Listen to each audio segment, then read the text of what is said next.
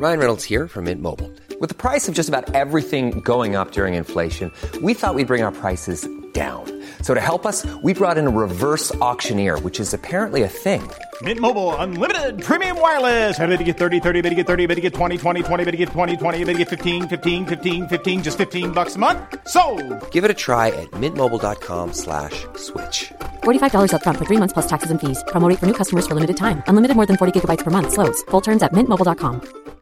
One size fits all seemed like a good idea for clothes Nice dress. Uh, it's a it's a t-shirt. until you tried it on. Same goes for your healthcare. That's why United Healthcare offers a variety of flexible, budget friendly coverage for medical, vision, dental, and more. So, whether you're between jobs, coming off a parent's plan, or even missed open enrollment, you can find the plan that fits you best. Find out more about United Healthcare coverage at uh1.com. That's uh1.com. Millions of people have lost weight with personalized plans from Noom, like Evan, who can't stand salads and still lost 50 pounds. salads generally for most people are the easy button, right? For me, that wasn't an option. I never really was a salad guy. That's just not who I am. But Noom worked for me. Get your personalized plan today at Noom.com. Real Noom user compensated to provide their story. In four weeks, the typical Noom user can expect to lose one to two pounds per week. Individual results may vary.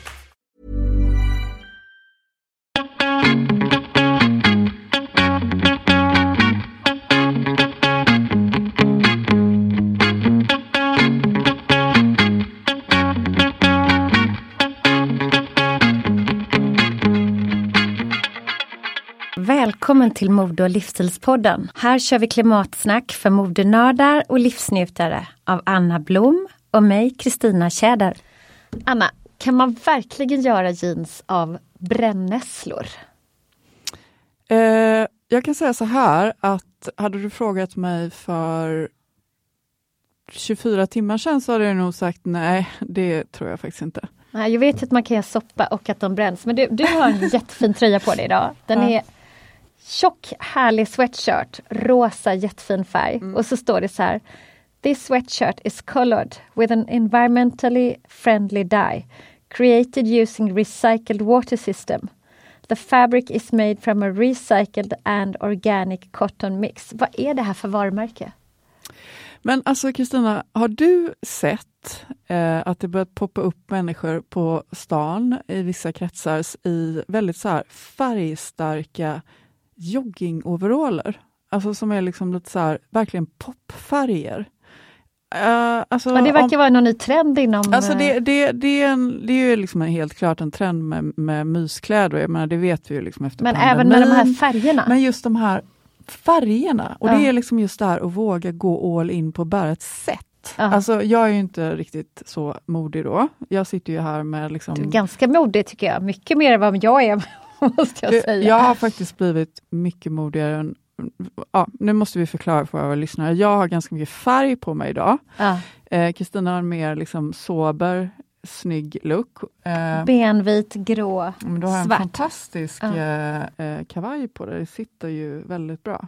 Ja, en Är jättehärlig varm och skräddad ullkavaj. Ullkavaj, ja. Ja. Och en lite lätt stickad krämvit eh, polotröja. Ja, är och, faktiskt också. precis. och Anna har en jättefin cerisrosa kabelstickad mussa och den här fantastiskt lite eh, uttvättad stark rosa som bara är helt magiskt. Det ser ut som en äkta 80-tals maffigaste kvaliteten man kan hitta från Pangaia. Alltså den är så snygg. Den är sådär så att den blir perfekt i färgen. Tycker du att tröjan ser uttvättad ut? Ja, men så färgen Ja, är okej. lite som att du har använt den i typ tvättat den och tvättat och använt och bara älskat den hur men länge. Inte att den ser liksom... nej men alltså färgen okej. är helt liksom sådär så den bara blir perfekt som ett par jeans när man har använt dem. Ja. Men, men återigen till det här med nässlor. Eh, det vi försöker säga här egentligen, det är liksom att idag så har vi en gäst med oss live från New York som är för det första hennes resumé är så att man typ storknar. Jag har aldrig läst något liknande. Eh, hon är en otroligt inspirerande och cool kvinna. Och eh, eh, som är bakom ett, eh, ett märke som är väldigt hippt just nu, eh, som heter Pangaia. Och de har nämligen släppt nyligen ett par jeans där 20% är brännässlor, om jag Mm. förstår det rätt. Inte bara det, de, de eh, färgar in eh, till exempel med pepparmintolja. Så att det eh, Färgar är? De färgar in tyg, f- alltså själva fibern med pepparmintolja så att själva fibern i sig blir naturligt bakteriedödande och eh, illgrön. Och, eh, Blir den illgrön av pepparmintolja? Ja, det är tydligen eh, någonting som de gör med det.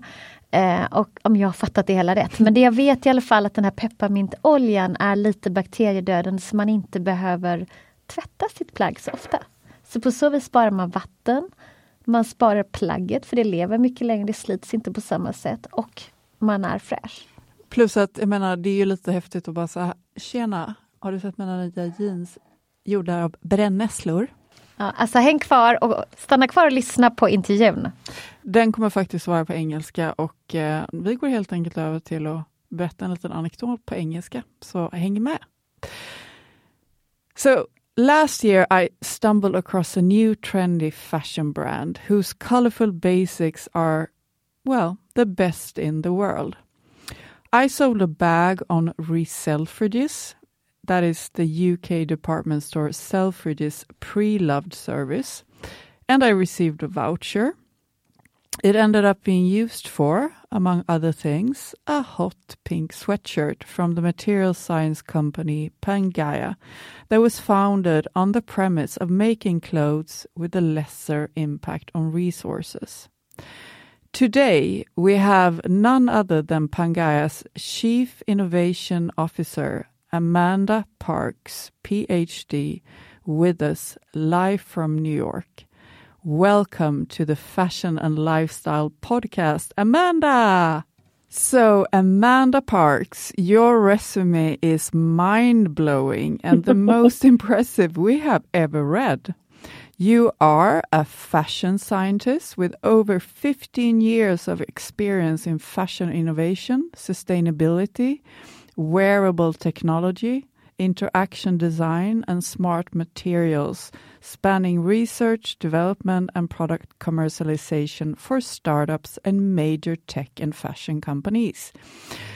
I mean, Jesus Christ, uh, it feels, you know, it's so much like your past career highlights include roles as the chief of technology and research at Manufacturer NY, founder of fashion tech studio Skinteractive, and co-founder of Bodega Algae, a microalgae biofuels company. And on top of that, like the sugar on the cake or icing on the cake, maybe, uh, you received a PhD and MS in tangible media from the MIT Media Lab and BS in mechanical engineering, and you have a BA in art history from Stanford University. You have been named on the Business of Fashion's 500 People Shaping the Global Fashion Industry list. Vanity Fair's eight wildest women of Silicon Valley, the Glossy 50 Fashion's digital frontrunners, a very Verizon pioneer of humanability, and as one of AlleyWatch's 10 most influential people in fashion technology. Wow. I mean, I, I don't think I've Done your ever, research. ever, ever, ever read uh, no, this N- me ne- neither. this kind of resume. I mean, it's it's amazing. How did you end up as the chief innovation officer of Pangaia? Is that the right way of saying it, Pangaia? Yes, Pangaia is right. It means um, all-inclusive Mother Earth, so Pan and Gaia. Um, yeah, so I mean, my resume, it's you know, it can, it can make it sound impressive, but really, it's just about me sort of following my passions through various forms of academia and and work areas, and I think it it all looks sort of more cohesive in retrospect, but you know, it seems like the idea that I was started an algae biofuels company actually plays directly into what we're doing with material science. So there are like a lot of deep connections. And I think really what has tied me tied it all together for me was that I really do believe in the power of technology and science to be able to kind of offer the world better solutions to a lot of our problems. And I also have a deep appreciation for arts and aesthetics and, you know, um, the power of design and specifically the power of fashion in terms of how, you know, it's really a kind of a universal language of personal expression. And, um, and I, I think that it's, it's important that we preserve the things that are joyful and beautiful in the world while we're in this deep climate crisis. So how can we kind of bring a balance there? Um, so just kind of seeing it from this perspective of optimism, where science and technology is here to solve our problems, and and how do we just start applying that, you know, um, through through multiple different um, directions and angles. That's that's really that's so interesting to hear, and I would and really inspiring. like. Yeah, it's so inspiring, and and and uh, also reading at your website. I mean, I'm so I'm both inspired and totally impressed. like, can you tell us what is Pangaia? Like, what is the goal Yeah. and, and the purpose? Right, right. And, and you said you did say how did I end up as, as chief innovation officer at Pangaia, which is sort of the accumulation of a lot of different areas which I was working in, in, you know, including like looking at biology, material science, how we utilize technology to kind of optimize nature and natural systems. And Pangaia is really the kind of instantiation of that. Um, before Pangaia, I was working with the same founding team on with a company called Future Tech Lab, where we were in um, investing and kind of scouring the globe for the best innovations in the material science space.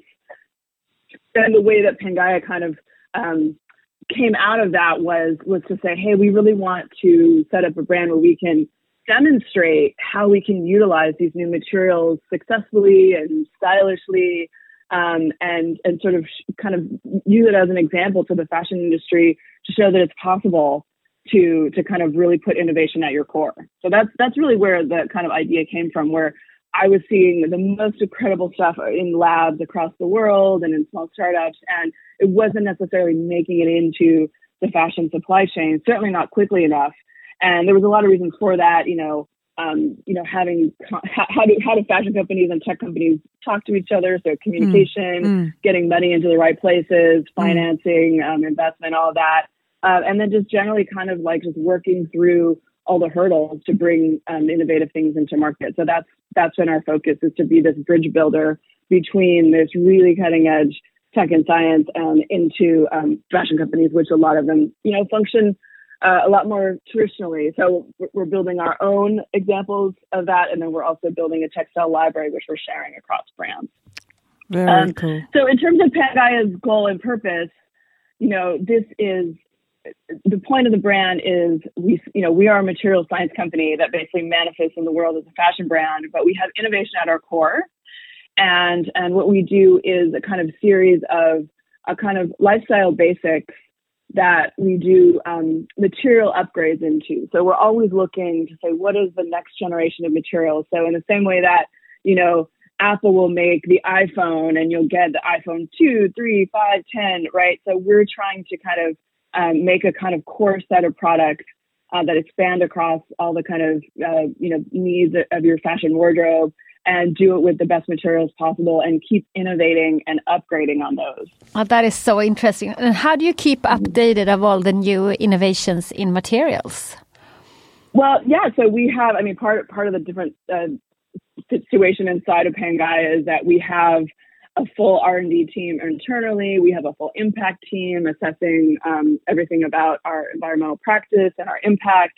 And that is, you know, having internal R and D is is not typical at all in fashion. So we work kind of um, in across the innovation spectrum in what I like to call like evolutionary, revolutionary, and disruptive technology. So what it's to sort of say that there we for the short term we're sourcing the very best of what's out there. We're looking at you know the existing materials, doing deep scientific and impact assessments, and choosing properly between that ones. We're and we're doing you know additional work on innovative blends and everything about the processes of creation in the medium term, which is more kind of the revolutionary work, so that evolutionary is is short term, revolutionary is medium term, where this is where we're working with startups and doing collaborations with people who have you know gotten a new a new technology, say at lab scale, and they're working to to kind of get it out of the lab and scale it and commercialize it, and we'll be a partner to help them in that. We'll take on some of the of the the workload of Mm. you know because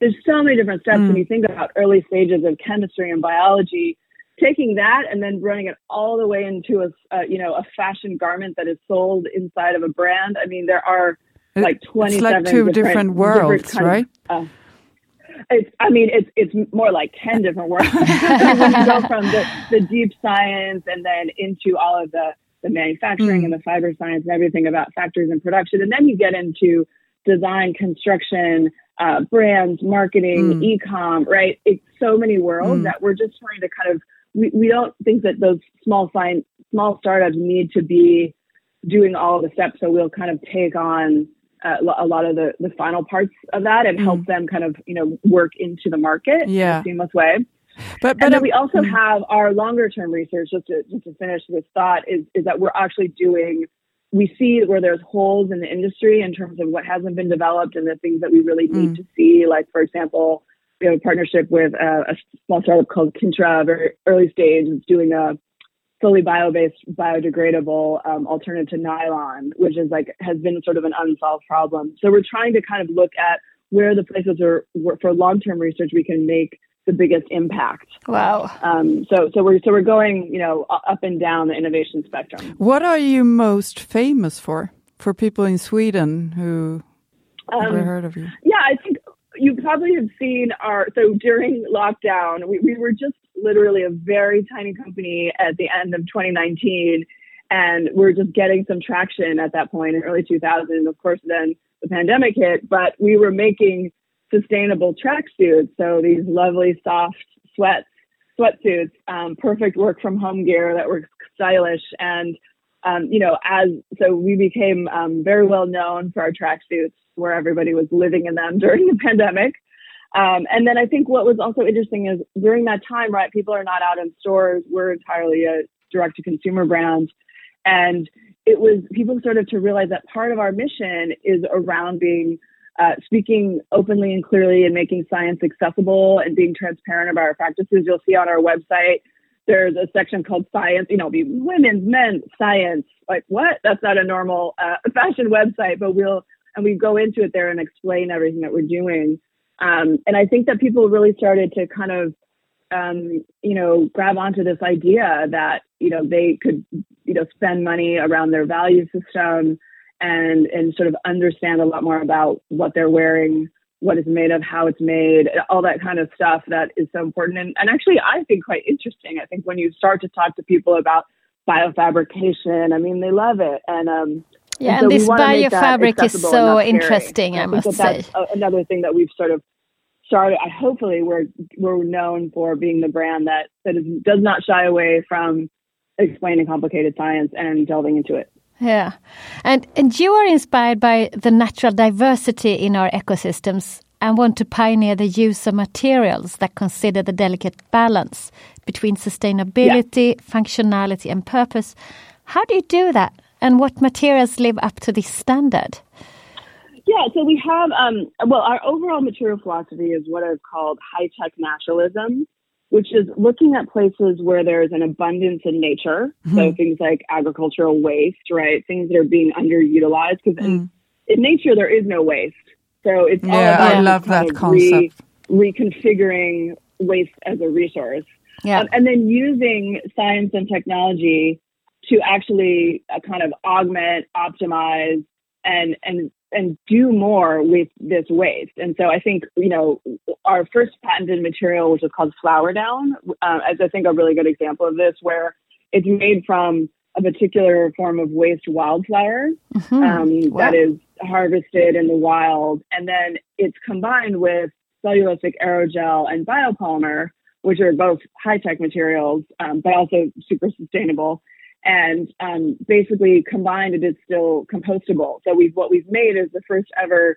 It's it's an alternative to animal down, you know, but it has all those same thermal properties. But it also has no synthetics, no fossil fuels. So it's still completely natural and vegan, but also it's no um, without any any petrochemicals, which is both of those are important principles to us. So that's a sort of way that we've used kind of material science to augment something that that is a form of waste in nature. Um, and I think with every material, it is about this sort of complicated analysis. There's no, that's one of the biggest things about sustainability is there's no single right answer. And every situation has to be considered um, from multiple different angles and all of the, the levels of impact and, and, and, um, and, and everything, every form that goes into it in its entire life cycle. So we are still at the beginning as a full, as an entire industry, um, making, you know, judgment calls around priorities. Like we're, we are more focused on thinking about very end of life and returning to the bio cycle. Um, so we're more focused on things being bio-based and, and what happens in the long term. Although, you know, I often get the question, should something be, uh, you know, do you care more about something being biodegradable or recyclable? And I'm like, it's not an either or. Eh, you should recycle things. It's about keeping things in use, right? So yeah, you can recycle definitely. them and keep them in use.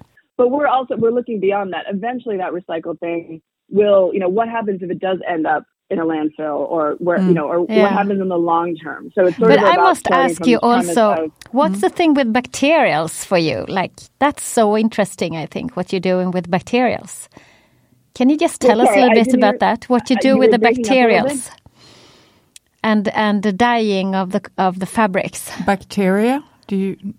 ah yes Yeah. our new our new work that is coming out with Colorifix um yeah that That's is amazing. How does it um, work? a, a form of biofabrication which we're So, really so excited maybe we about. should Um, explain it's wha- a- what it is. yeah it's a can way you of explain uh, it Yeah. way of coloring Yeah. or Absolutely. So when you think about the whole dye industry, there's traditional synthetic dyes, which are made from petrochemicals, which we're trying to avoid. And then there's natural dyes, which are made from plants and, and things in nature, but they still involve a, a, a lot of resources in terms of land and water uh, to grow whatever you're, you know, all- create an entire plant. So if you're if you're using, say, the dye from a flower petal, you have to grow the entire plant Mm. um, and go through that entire cycle. and What- also uh, what- this is a big problem in the fashion industry with the dyeing of clothes, right?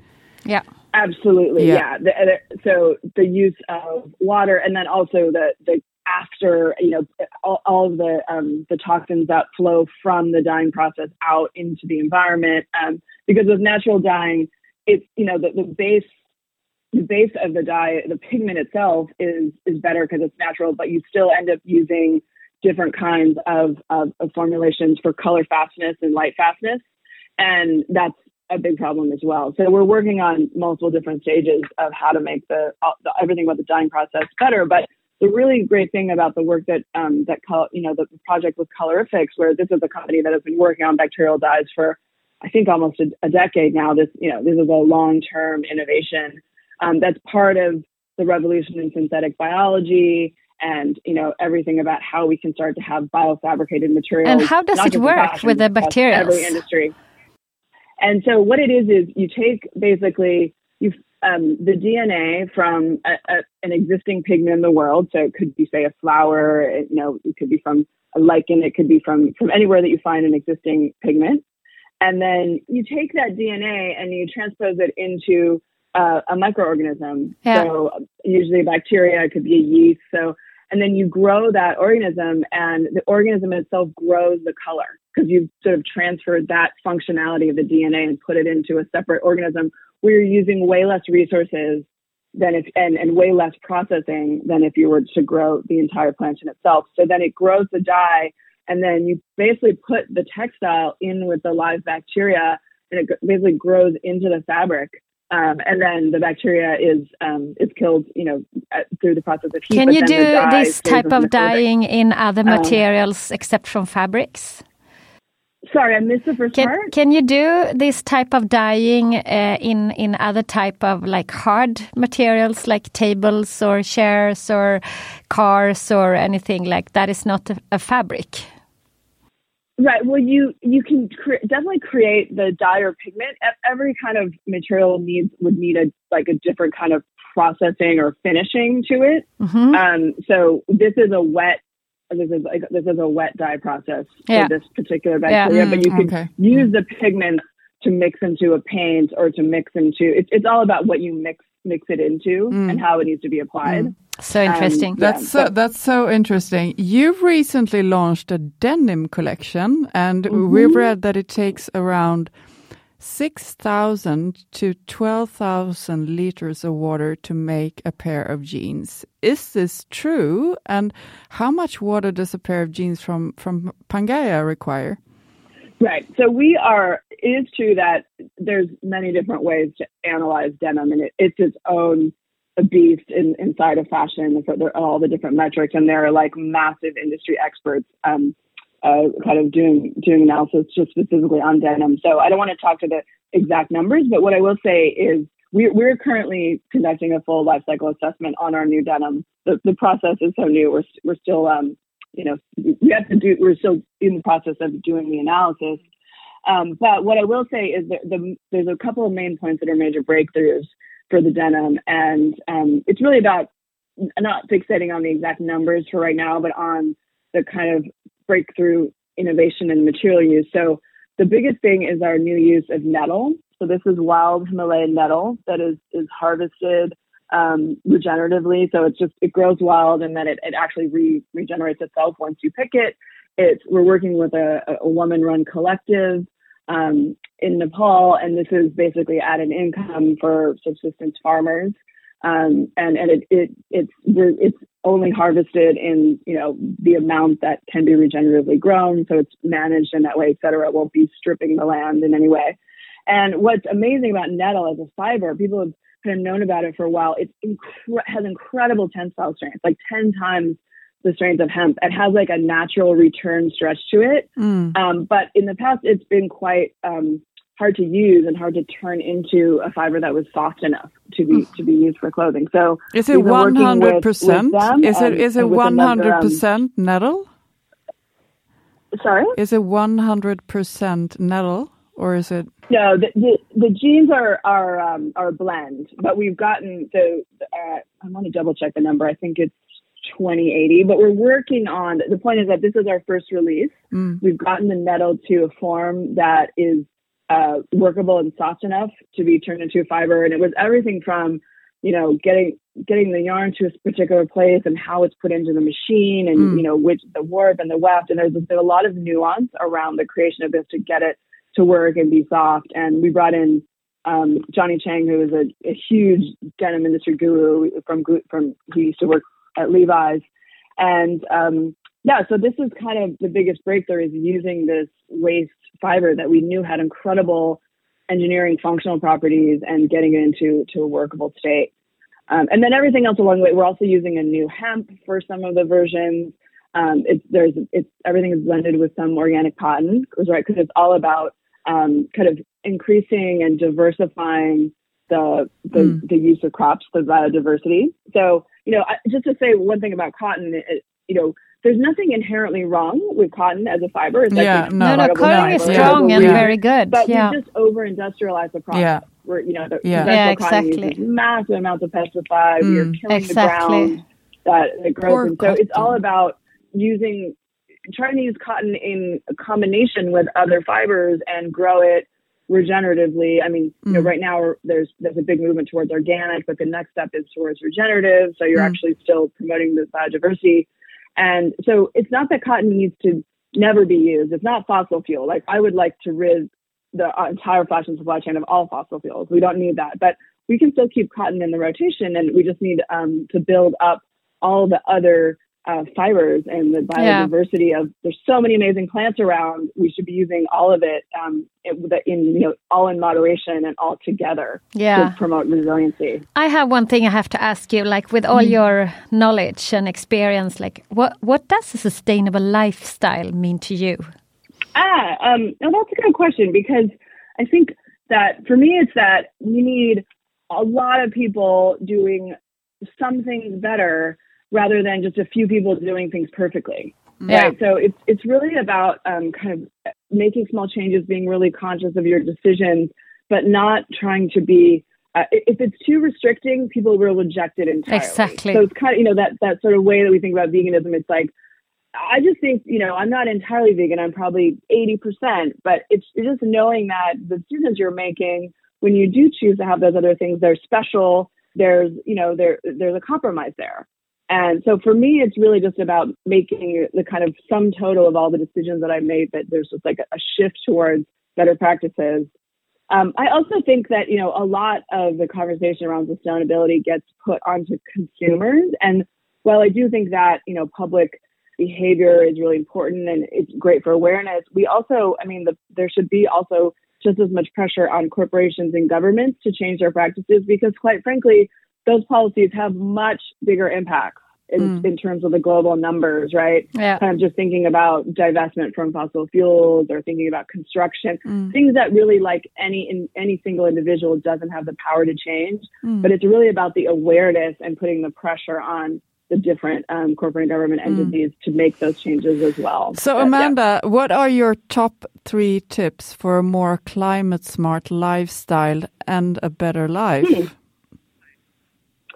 Yeah, so I think uh, first would would have to be around diet. Like I think there's been so many studies out there that the more we eat plant based, the lower on the food chain. You know, eating organic, um, et cetera, everything that you can do in that space, um, and is is for me like the you know that that can make a huge difference. Um, I think uh, in general, uh, using less plastic or, you know, using plastic only when it's appropriate. So just thinking about, you know, the single use plastic and how we can just everything about disposability in our culture that it's, it was sort of, it emerged in like the 1950s where this was post-war time of abundance and it was all about convenience and we've just pushed it too far. And really we need to kind of to backtrack and think about you know, just like how it, it's actually sort of a quality of life thing sometimes. Yeah. I mean, I do love my takeout coffee, but there's something to be said about, okay, well, I can put it in a container that I can hold on to and reuse, or I can sit Mm, down and have it at a table and be civilized, Yeah. or, you know, things like that. That we, it's not that we're going to avoid, um, you know, the use of, of anything for convenience, but just just sort of thinking through those decisions Yeah. for me is is really kind of the That's really part. good And, and then the other thing is like, especially with fashion, is there are all these new models around kind of the experiential part of fashion, which is why a lot of people, and especially like, you know, like younger people really love it. And, and it doesn't have to just be about consumption. So there can be models that are more about rental or digital or, you know, um, kind of clothing swapping. Um, Mm. How do we kind of make more of a social scenario around it or Mm. have the kind of all the fun that you get from the personal expression and from the beauty and um, but it doesn't have to just be about making more clothes or about buying more clothes. You can actually have successful business models that are about sharing and the sharing economy. So, for example, in Sweden, um, you have a company called It's Released, which is a rental Yep. clothing service that I love. Yes. right? Yeah. Yes. Um, we we you know we here we have Rent the Runway, which I've been a huge fan of Yeah. Yeah, me since too. was founded almost two years ago. And I and I did actually witness when I got my first rental subscription, it was actively changing my behavior. I was Yeah, not yeah, you that's, know, That's so, so interesting to hear, that yeah. little desire. I had to have the new outfit. I know. the I actually interviewed uh, a guy who worked as a stylist at Rent the Runway a couple of years ago. Mhm. Um, I was in New York over New Year's and I didn't have anything to wear. And I was like, okay, so what am Yeah. I going to do? So I went to, I actually went to one when they had physical stores. And Yeah. so I ended up in this uh, in this dressing room together with uh, one of their most experienced stylists called Jared from Louisiana, Mm-hmm. and it, the whole thing uh, en- ended with me interviewing Jared inside the dressing room instead. and, he, and he and. I Yeah. know, and he told me that he used to send clothes to his mom in Louisiana uh, that you know that she could try different styles, and Yeah. and he also said what you're saying, Amanda, that you know uh, if you try something that you're not used to, and you get appreciation from people around you, you are more kind of open to play with your style, and it's not and it's not all- it's not you know. It's not the end of the world fun. because you don't own it. Yeah, and- Exactly. I And the other that. thing is that with with rental, you can, especially for for younger people of limited income, you can experience higher quality brands, and you start to realize the difference. Like once you start uh, kind of having high quality textiles, you it's hard to go back to the horrible stuff Oh, yeah. in fast fashion. That's not So possible. it, it does also give people an appreciation for why you know why high quality clothing is more expensive and why it's sort of worth it. That was a big transition for me too Amanda, to, to think about it like how.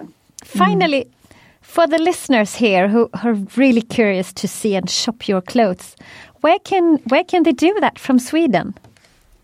Oh yeah, well we're all direct to consumer, so our website, thepangaia.com, and you can also, of course, go to our Instagram and all the links there, and that's just at Pangaia, P A N G A I A, and um, yeah, so we're that will that's how everyone accesses it. We do have various pop-ups happening across the world, um, Yeah. as things start to open Uh, up. Anna But actually one of the sits here next really to me. thinking about is, I, is I actually sit here in one of your sweaters. Yeah, a beautiful Amanda. s- uh, pink sweatshirt, and, And you I, look I mean. I must say the quality it is amazing, and I've heard other friends of mine uh, who who uh, also love your brand, like, and they think they are alone in the world of discovering it. but it's like no, but okay for for the listener, this is like a sweatshirt.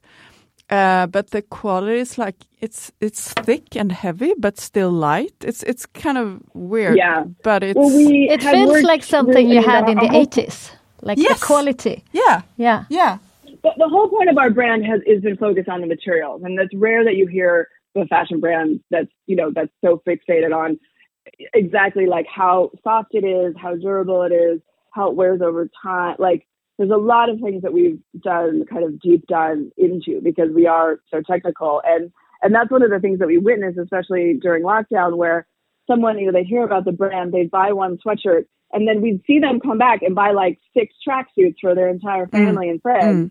Right? We saw this in crazy increase in repeat customers when they're, you know, when they started wearing it, and especially when you're wearing it every day, and then people would we get. I'm gonna of, like, definitely oh buy God, one. I never take it off. I can't And else I can now. tell, uh, listen, So- Amanda, isn't it correct that if you are a first time customer and you go to your site, you actually get a discount? Is that correct? If Yes, you sign, if you sign up for right- your newsletter? Exactly. There's, there's a, I I believe it's twenty dollars off. We, we have you know various promotions. Although you know we are pretty careful. Like we we do want we make things that are we say we design for a reason, not a season.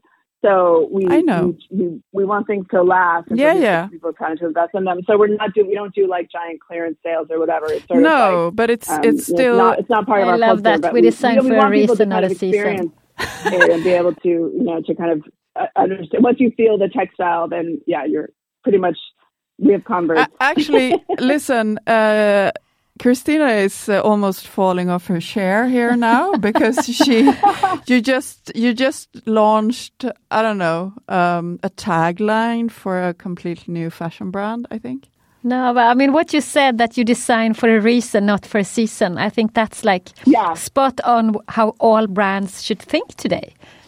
Uh, yeah, I, I think so too. I mean, it's I think it's you know it's fun. We do new colors for different seasons, and we do like themed collections and Mm. all all that kind of stuff. But, but it's more sort of like new colors and uh, of, Yeah. of basic styles. And we're we're you know we're slowly expanding. We know that not everybody wants to wear the same tracksuit over and over, and that, that's one of the other reasons why part of our business model is to sell our textiles to Mm. other brands. Yeah, And But- so we have a whole back end B2B because we want the diversity, you know, the beauty of fashion is to have diversity of styles. Mm. And no matter how great our brand is, I think there's there's a value in just having lots of different aesthetic voices out there.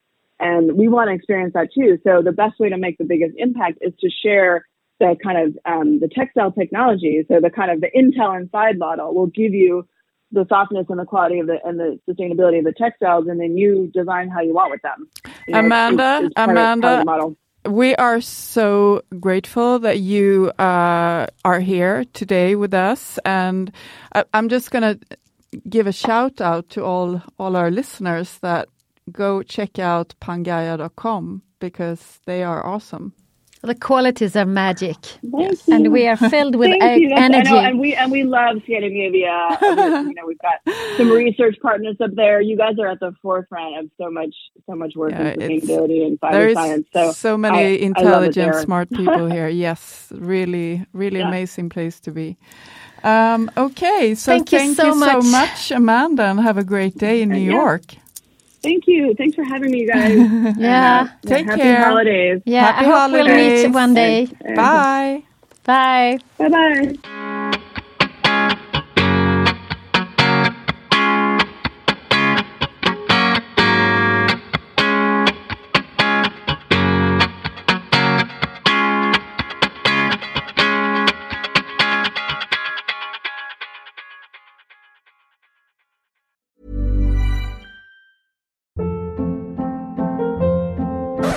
Hold up. What was that? Boring. No flavor. That was as bad as those leftovers you ate all week. Keke Palmer here, and it's time to say hello to something fresh and guilt-free. Hello Fresh. Jazz up dinner with pecan-crusted chicken or garlic butter shrimp scampi. Now that's music to my mouth. Hello Fresh. Let's get this dinner party started. Discover all the delicious possibilities at hellofresh.com. Even when we're on a budget, we still deserve nice things. Quince is a place to scoop up stunning high-end goods for 50 to 80% less than similar brands. They have buttery soft cashmere sweaters starting at $50, luxurious Italian leather bags, and so much more. Plus, Quince only works with factories that use safe, ethical, and responsible manufacturing. Get the high-end goods you'll love without the high price tag with Quince. Go to quince.com slash style for free shipping and 365-day returns. Imagine the softest sheets you've ever felt. Now imagine them getting even softer over time. That's what you'll feel with Boll and Branch's organic cotton sheets. In a recent customer survey, 96% replied that Bowl and Branch sheets get softer with every wash. Start getting your best night's sleep in these sheets that get softer and softer for years to come. Try their sheets with a 30-night guarantee. Plus, get 15% off your first order at bollandbranch.com. Code BUTTERY. Exclusions apply. See site for details.